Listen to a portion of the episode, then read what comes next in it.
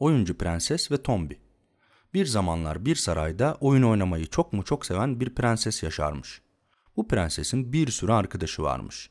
Her gün bir arkadaşıyla oynarmış. Prensesin en sevdiği günler arkadaşı Tombi ile oynadığı günlermiş. Çünkü prenses Tombi ile birlikte hiç bilmediği yerleri keşfedermiş. Yine bir sabah kahvaltılarını yapmışlar ve Tombi ile ormanın derinliklerine dalmışlar. Yavaş yavaş prenses ve Tombi yürümeye başlamış. Tam bir adım daha atmışlar ki önlerinde kocaman bir kapan görmüşler. Prenses şaşırmış. Aa, Tombi bak kocaman bir kapan. Bu bir tuzak olmalı. Şanslıyız ki kurtulduk demiş. Tombi cevap vermiş. Evet prenses, bir adım daha atsak belki tuzağa düşecektik. Dikkatli olmalıyız. Ardından yürümeye devam etmişler. Gitmişler, gitmişler, gitmişler. Ormanda koca koca ağaçlara rastlamışlar. Rüzgar estikçe sallanıyorlar. Fışır fışır diye ses çıkarıyorlarmış. Prenses, bu ağaçlar ne kadar büyük böyle. Daha önce hiç bu kadar büyük ağaçlar görmemiştim. Dalları da yaprakları da kocaman diyerek şaşırmış. Tombi, bu ağaçlar sihirlidir prenses. Gövdelerinde değişik türlerde birçok hayvan yaşar ve isterlerse bu ağaçlar onlarla konuşabilirler demiş. Prenses, nasıl yani?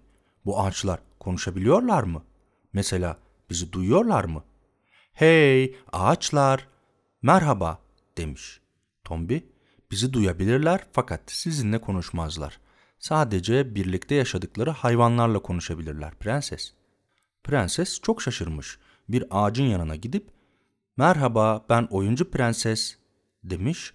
Fakat ağaçlardan cevap alamayınca Tombi'ye inanmış. Prenses ve Tombi bir ses duymuşlar.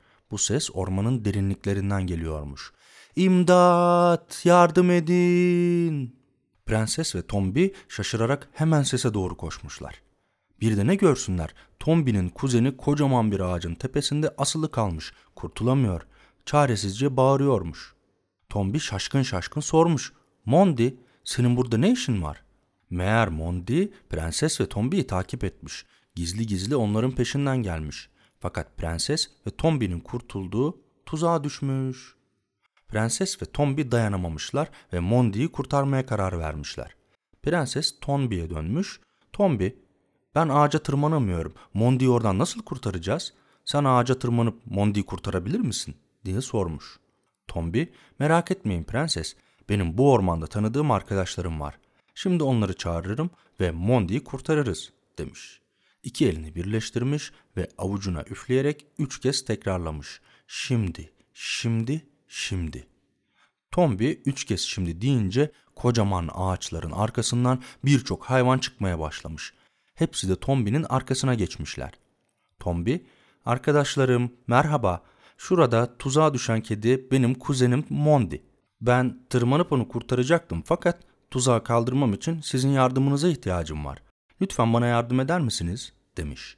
Bütün hayvanlar tabii sana yardım ederiz Tombi seve seve demişler ve hep birlikte Mondi'nin asılı olduğu ağaca yaklaşıp şimdi tuzağı bozmalıyız. Bu masum kediyi kurtarmalıyız demişler. Ağaç da hayvanları dinlemiş ve tuzağın kapağını bir koluyla açıvermiş. Mondi tuzaktan kurtulup aşağı inmiş. Bu yaptığı karşısında çok utanmış. Özür dilerim prenses.